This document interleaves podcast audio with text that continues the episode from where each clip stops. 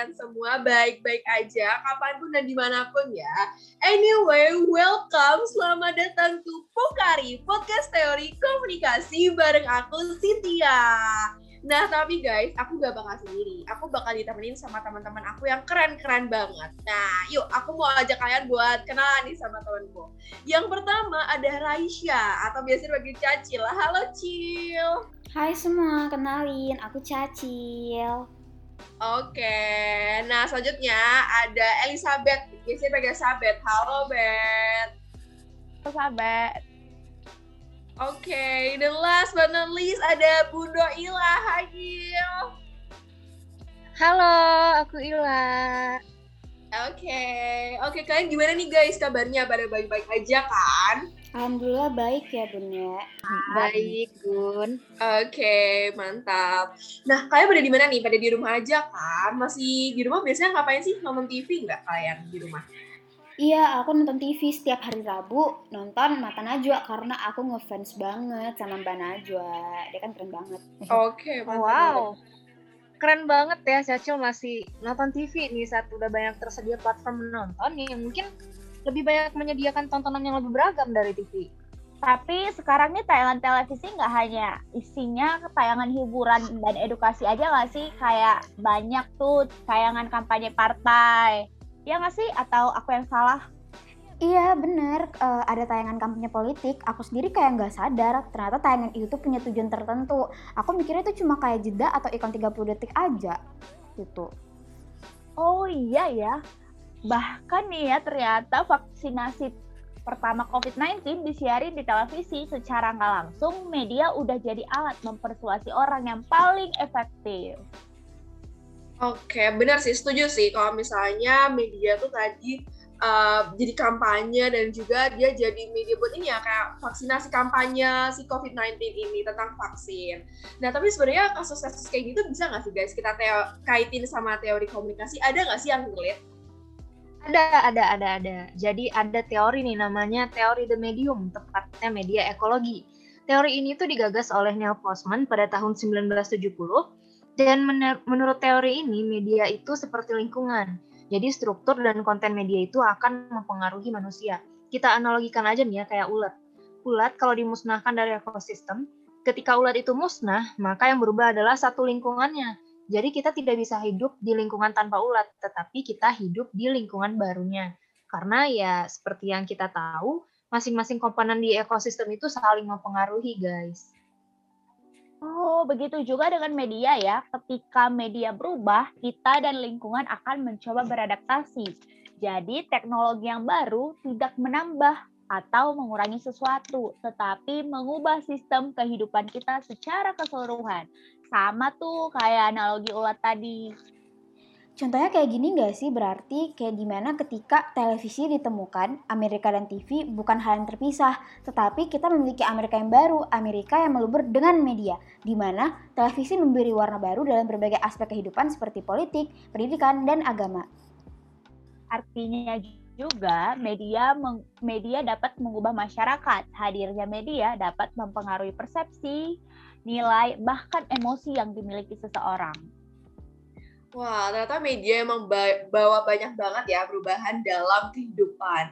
Nah, tapi berkaca dari teori media ekologi tadi tuh guys, berarti aspek kehidupan seperti institusi itu dapat berubah karena hadirnya media juga nggak sih? Bisa jadi, bisa. Soalnya fungsi media, media itu kan sangat beragam ya, dan juga banyak bidang yang berusaha ditampilkan di media. Nah, ini yang disebut dengan mediatization, di mana teori ini mengeksplorasi bagaimana berbagai institusi dan cara kerja berubah secara sadar ataupun enggak karena hadirnya media. Jadi, intinya institusi jadi termediasi. Sebagai contohnya nih ya, kampanye politik sekarang nih banyak yang menggunakan iklan di media. Gak kayak dulu yang harus berkerumun, terus berorasi di tengah cuaca terik. Dan contoh yang paling sederhana sederhananya itu bisa kita lihat di kampanye yang dilakukan oleh Bapak Jokowi. Beliau menggunakan sosial media untuk berkampanye dan juga menggunakan jasa dari para influencer untuk menarik perhatian calon pemilih. Nah, artinya media itu jadi alat branding nih, guys. Eh bentar, emang cuma politik aja?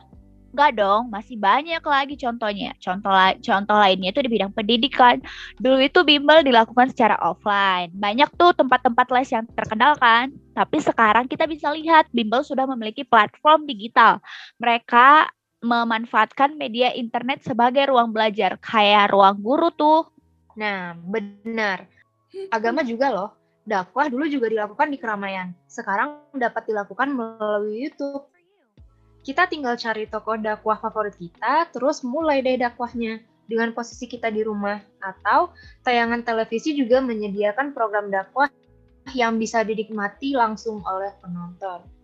Wah, menarik ya. Berarti emang secara langsung nih, media tuh mengubah persepsi dan nilai yang ada di masyarakat. Menarik banget nih, guys. Uh, tapi emang cuma itu aja tuh, guys. Apa namanya di institusi sadar atau enggak, teman juga dapat menjadi institusi. Sekarang lagi hype tuh kan drama Korea, di mana-mana topik bahasan itu tentang Korea mulu. Contoh Vincenzo yang kemarin rame banget. Misalnya aku nggak suka nih nonton drama Korea dan teman-temanku banyak gitu yang nonton drama Korea. Akibatnya aku merasa tertinggal dan supaya bisa catch up sama mereka atau bakal aku tuh bakal nonton Korea, drama Korea. Karena pada dasarnya kita sebagai makhluk sosial butuh berteman dan juga hidup berdampingan dengan media. Wah, ternyata emang bener ya aspek media. Media tuh benar mengubah aspek kehidupan kita. Uh, walaupun media tuh nggak tersentuh gitu, tapi ternyata media efeknya besar banget guys ke institusi kita, ke kehidupan kita. Melebur lah ininya, dia mengubah sadar ataupun enggak. Nah guys, aku karena tadi kita udah bahas-bahas nih tentang teori, aku mau main game kecil nih, mau intermezzo. Gamesnya main through or false. Nanti aku bakal nyebutin pernyataan, kan tinggal jawabnya dengan cara nyebutin nama dulu terus nanti langsung jawab dia true atau false gitu oke okay, paham okay. semua kan oke okay, paham oke okay, okay. kita mulai pertanyaan pertama ya Fokus analisis media ekologi adalah media, sedangkan mediatization institusi. True or false? Sampai cacil, cacil, cacil. Ila, ila, ila, ila, Oke, oke. Sampai dulu, sampai dulu. True. Cacil. Uh, aku jawabannya true. Ila. Hah? False gak sih?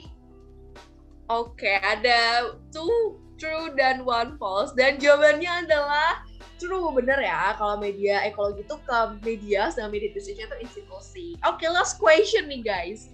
Institusi politik, pendidikan, dan agama tidak termediasi. True or false? Cacil, cacil, cacil. Oke, okay, apa tuh Cil? Ila, ila, ila, ila, ila. Aku jawabannya true. Oke, okay, kalau Ila? Ini udah jelas false sih, false. Oke, okay. dan jawabannya adalah bener ya, Il jawabannya false ya. Jadi itu memang sebenarnya semua aspek institusi itu termediasi.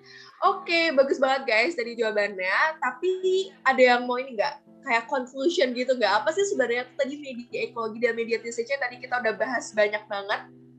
Boleh dong aku. Oke, okay, boleh boleh. Oke. Okay. Nah, jadi dari pembahasan podcast hari ini, teori media ekologi itu fokusnya dengan media, di mana media dianalogikan sebagai lingkungan. Struktur dan konten media itu mempengaruhi persepsi, perasaan, dan nilai manusia. Teknologi baru tidak menambah atau mengurangi sesuatu, tetapi mengubah sistem kehidupan secara keseluruhan. Nah, teori ini nggak bisa lepas dengan mediatization, karena tadi ya media itu mengubah seluruh aspek kehidupan institusi menjadi aspek kehidupan yang ikut terpengaruh. Mediatization mengeksplorasi bagaimana berbagai institusi dan cara kerjanya berubah, secara sadar ataupun enggak, karena hadirnya media. Jadi, intinya institusi itu jadi termediasi. Oke, mantap banget Il. Thank you conclusionnya. Nah, karena kita udah sampai di kesimpulan. Biasanya kesimpulan itu kalau di artikel, kalau di obrolan itu biasanya di akhir-akhir. Nah, artinya kita udah di penghujung obrolan kita nih guys tentang teori media ekologi dan mediatization.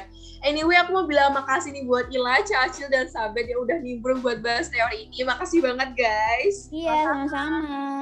Oke, okay. okay. dan juga buat pokekers lainnya nih, jangan lupa dengerin terus Pokari, podcast teori komunikasi, karena kita bakal ngobrol asik dan ngulik-ngulik tentang teori komunikasi yang relate banget dong tentunya sama kehidupan. So anyway, thank you dan jangan lupa dengerin terus kita Pokari. Bye-bye, see you guys. Bye-bye. Yes. Bye-bye.